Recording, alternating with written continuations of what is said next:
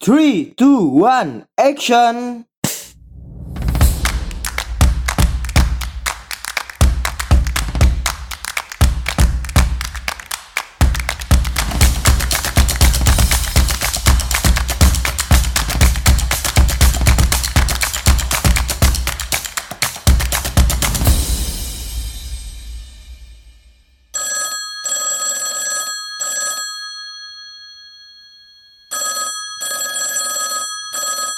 Halo, selamat datang kembali di Pod by MA, tentunya di program Anak Komunikasi.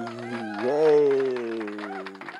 Sekarang sudah masuk ke pertemuan yang berapa ya? Empat ya, kalau nggak salah. Kita di awal mempelajari tentang apa sih metode penelitian, karya ilmiah, yang dikatakan ilmiah, kemudian metode penelitian sosial, kemudian kita bicara tentang tema, judul, kita berbicara di pertemuan yang lalu kita membahas tentang latar belakang atau sebuah cerita. Ya benar yang ketiga yang pertemuan yang lalu. Dan sekarang masuk ke pertemuan yang keempat. Kita membahas sesuatu yang ya simpel aja sih. Ini kayaknya nggak lama sih konten yang ini. Walaupun tiga yang akan kita bahas langsung. Jadi pembahasan pada pertemuan kali ini yaitu adalah rumusan masalah, kemudian tujuan penelitian, dan manfaat penelitian. Yeah. Ya, uh, para pendengar Pod by MA, sebelum saya jelaskan tentang ketiga subbab dalam pembuatan skripsi ya atau penelitian-penelitian ilmiah lah ya. Ada salah satu yang saya baru aja sih ingat tadi pas mau ngetik kayak gitu ya waktu ambil suara ini. Jadi yang harus dipegang oleh peneliti itu adalah peneliti itu boleh salah ya, tetapi tidak boleh bohong.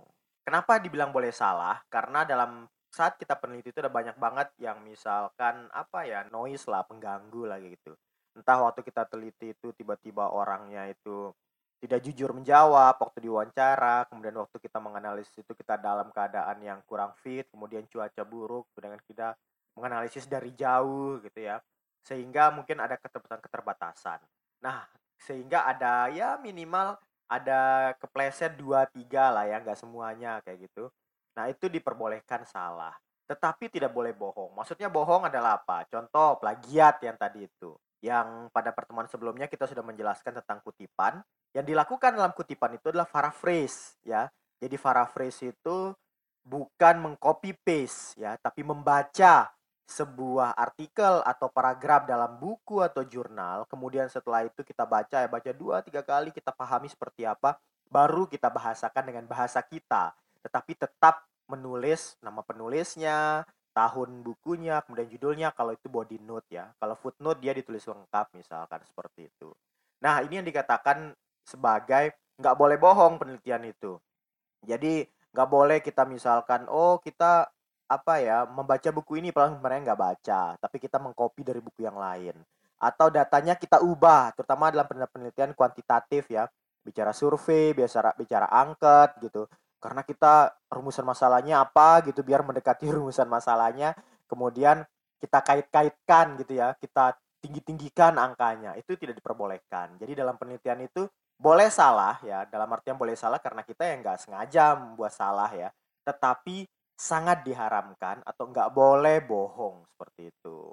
Nah, tadi saya sudah menyinggung sedikit tentang rumusan masalah ya. Jadi rumusan masalah ini semacam kayak rel lah ya. Rel itu berarti arah ya. Kita nggak boleh keluar dari arah itu dan itu yang yang menjadi penuntun kita dalam sebuah kajian uh, penelitian, terutama kalau misalkan saya contohkan sebagai penelitian komunikasi gitu ya, itu kan bisa bercabang ke mana-mana Contoh kita bicara terkait sebuah radio. Misalnya ada radio X ya. Dia uh, milenial banget.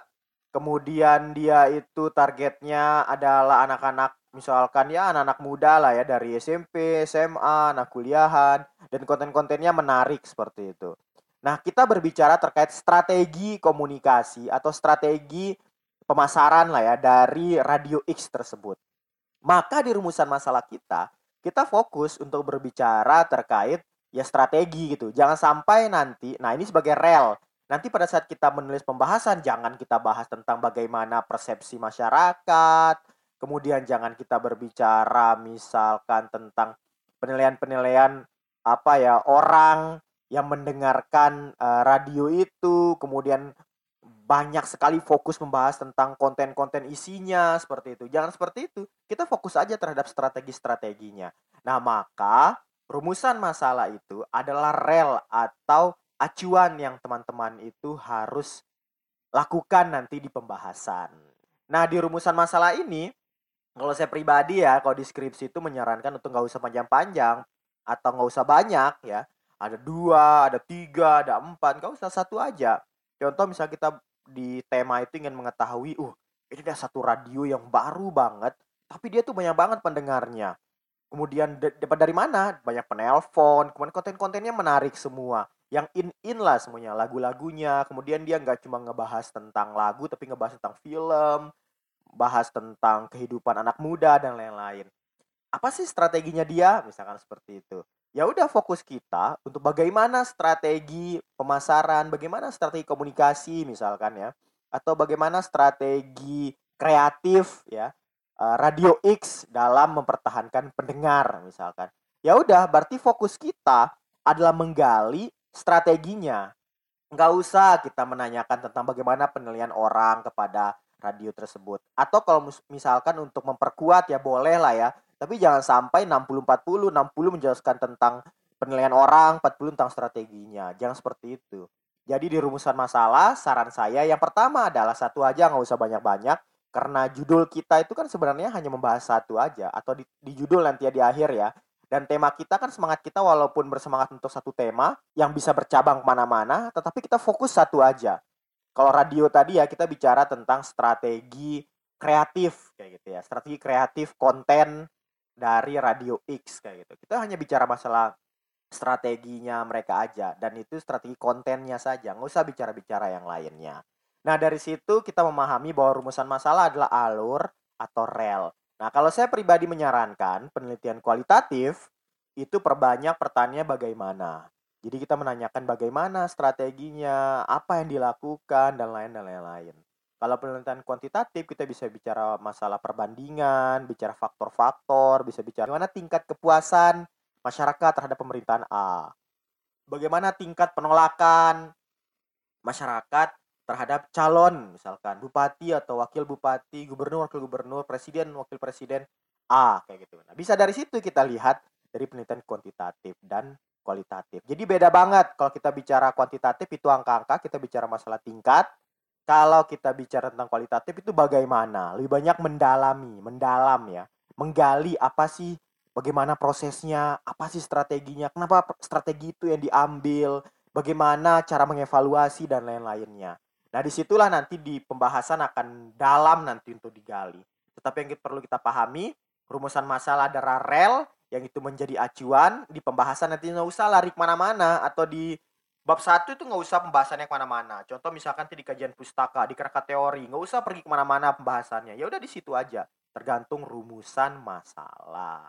Ini gampang-gampang susah sebenarnya ya. Sebenarnya rumusan masalah itu menjadi susah karena kita kadangkala melihat sebuah tema, melihat sebuah isu, ingin meneliti semuanya, ingin mengetahui semuanya. Padahal hakikatnya dalam sebuah penelitian itu, dia semakin tajam semakin detail, semakin dalam itu semakin bagus. Karena yang akan didapatkan itu kan sebuah kesimpulan. Kesimpulan yang didapatkan itu adalah dari satu kajian yang mendalam. Nah, itu biasanya kalau penelitian sosial atau misalkan seperti saya di ilmu komunikasi, yang kita utamakan itu adalah kedalaman dibandingkan misalkan mengetahui semuanya tapi nggak dalam kayak gitu. Nah, maka satu pertanyaan itu cukup untuk mendalami sebuah isu. Yang kedua itu menjadi rel. Yang ketiga, ya tanyalah bagaimana kalau misalkan penelitian sosial atau penelitian yang kualitatif ya untuk memperdalam seperti itu. Kalau kuantitatif bisa bicara tentang uh, tingkat, bisa bicara masalah faktor-faktor yang pengaruhi tingkat tersebut dan lain-lain. Nah, itu untuk rumusan masalah. Untuk tujuan, untuk tujuan ini sih banyak orang yang anggap simple banget ya, mudah banget gitu. Hanya menambah satu kata di depan selesai. Contoh misalkan kita ingin mengetahui tadi ya di rumusan masalah, bagaimana uh, strategi kreatif dalam membuat konten A di Radio X kayak gitu. Nah, nanti tujuannya tambah aja di belakangnya untuk mengetahui strategi kreatif di konten A ya pada uh, radio X kayak gitu. Itu aja. Jadi ya tujuannya itu kan harus seimbang dan harus sama ya dengan rumusan masalah. Jadi itulah sebenarnya simple nggak usah ribet-ribet, nggak usah tambah-tambah tujuannya untuk mendalami ilmu ini nggak usah. Langsung aja tambahnya kata untuk mengetahui yang di rumusan masalah tersebut. Karena tujuan adalah menjawab dari rumusan masalah. Dan yang selanjutnya yaitu manfaat. Waktu di S1 dan S2 saya ya jadi ada banyak banget dosen-dosen yang menyampaikan ke saya. Sebenarnya manfaat itu penting-penting nggak penting sih. Jadi manfaat itu semacam kayak nanti penelitian ini untuk apa? Manfaatnya untuk apa kadang penelitian ini kita buat ya untuk kita mau teliti saja itu sudah menjadi sebuah manfaat seperti itu. Nggak harus misalkan hal-hal yang besar gitu untuk menambah ilmu pengetahuan dan lain-lain gitu. Jadi dikosongkan aja nggak ada. Kalau nggak salah ini, ini kalau nggak salah ya di S1 saya nggak ada manfaat kayak penelitian saya tulis. Ini kalau nggak salah ya karena waktu itu saya masih ingat S1 itu saya diminta untuk apa sih pentingnya? gitu. Kalau yang nggak ada manfaatnya untuk banyak orang gitu untuk dirimu sendiri keras skripsi ya udah itu aja kayak gitu ya kemudian saya mengambil milih untuk nggak tulis manfaat. Ini kalau nggak salah. Kalau misalkan ada dosen ya saya nggak menyalahkan dosen yang menaruh disuruh taruh manfaat malah bagus misal gitu ya untuk memperbanyak bacaan. Jadi kalau misalkan manfaat itu biasanya ada dua yang sangat uh, apa ya uh, mainstream lah ya sangat yang biasa dilakukan itu dua. Yaitu manfaat secara praktis dan manfaat secara akademik jadi kalau manfaat secara praktis biasanya itu yang langsung itu untuk apa sih sebenarnya secara di lapangan di masyarakat? Misalkan untuk mengetahui bagaimana strategi dan lain-lain. Untuk menjadi masukan kepada radio X untuk strateginya. Untuk menjadi masukan kepada radio-radio yang lain untuk membangun apa ya eh, ketertarikan pendengar kepada radionya dan lain-lain. Itu secara praktek gitu. Tapi kalau secara akademik gitu ya itu bisa misalkan uh, kita mengambil untuk menambah hasanah ilmu pengetahuan dan menambah kajian-kajian tentang ilmu komunikasi gitu atau ilmu sosiologi atau ilmu apalah seperti itu. Lebih fokus ke background keilmuan kalian itu untuk manfaat secara ya akademiknya lah ya jadi manfaat secara praktis dan manfaat secara akademik. Nah itu pembahasannya sudah saya bilang ya ini sebentar saja tapi ini uh, penting dan ini bisa menjadi rel untuk teman-teman. Nah yang sebenarnya kenapa saya gabungkan ini? Karena ketiganya rumusan masalah tujuan dan manfaat ini menjadi satu kesatuan sebagai panduan kalian membuat sebuah karya ilmiah.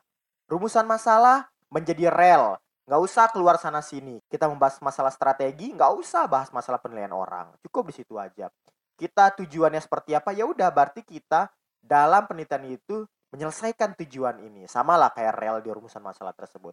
Yang terakhir manfaatnya fokus penelitian kita nanti harus manfaatnya yaitu ya untuk manfaat ini secara akademik secara praktis kayak gitu. Jadi teman-teman ya kalau misalkan nanti uh, dalam penelitian pembahasan kalian fokus harus mengingat.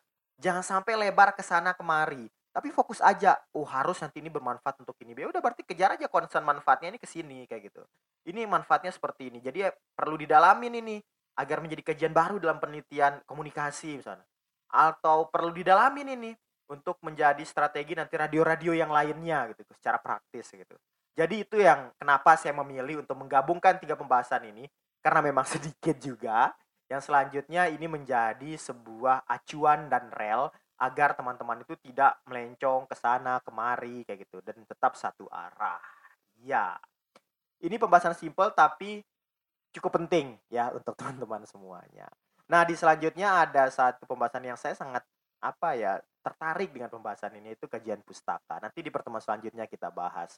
Ya ini menarik kenapa?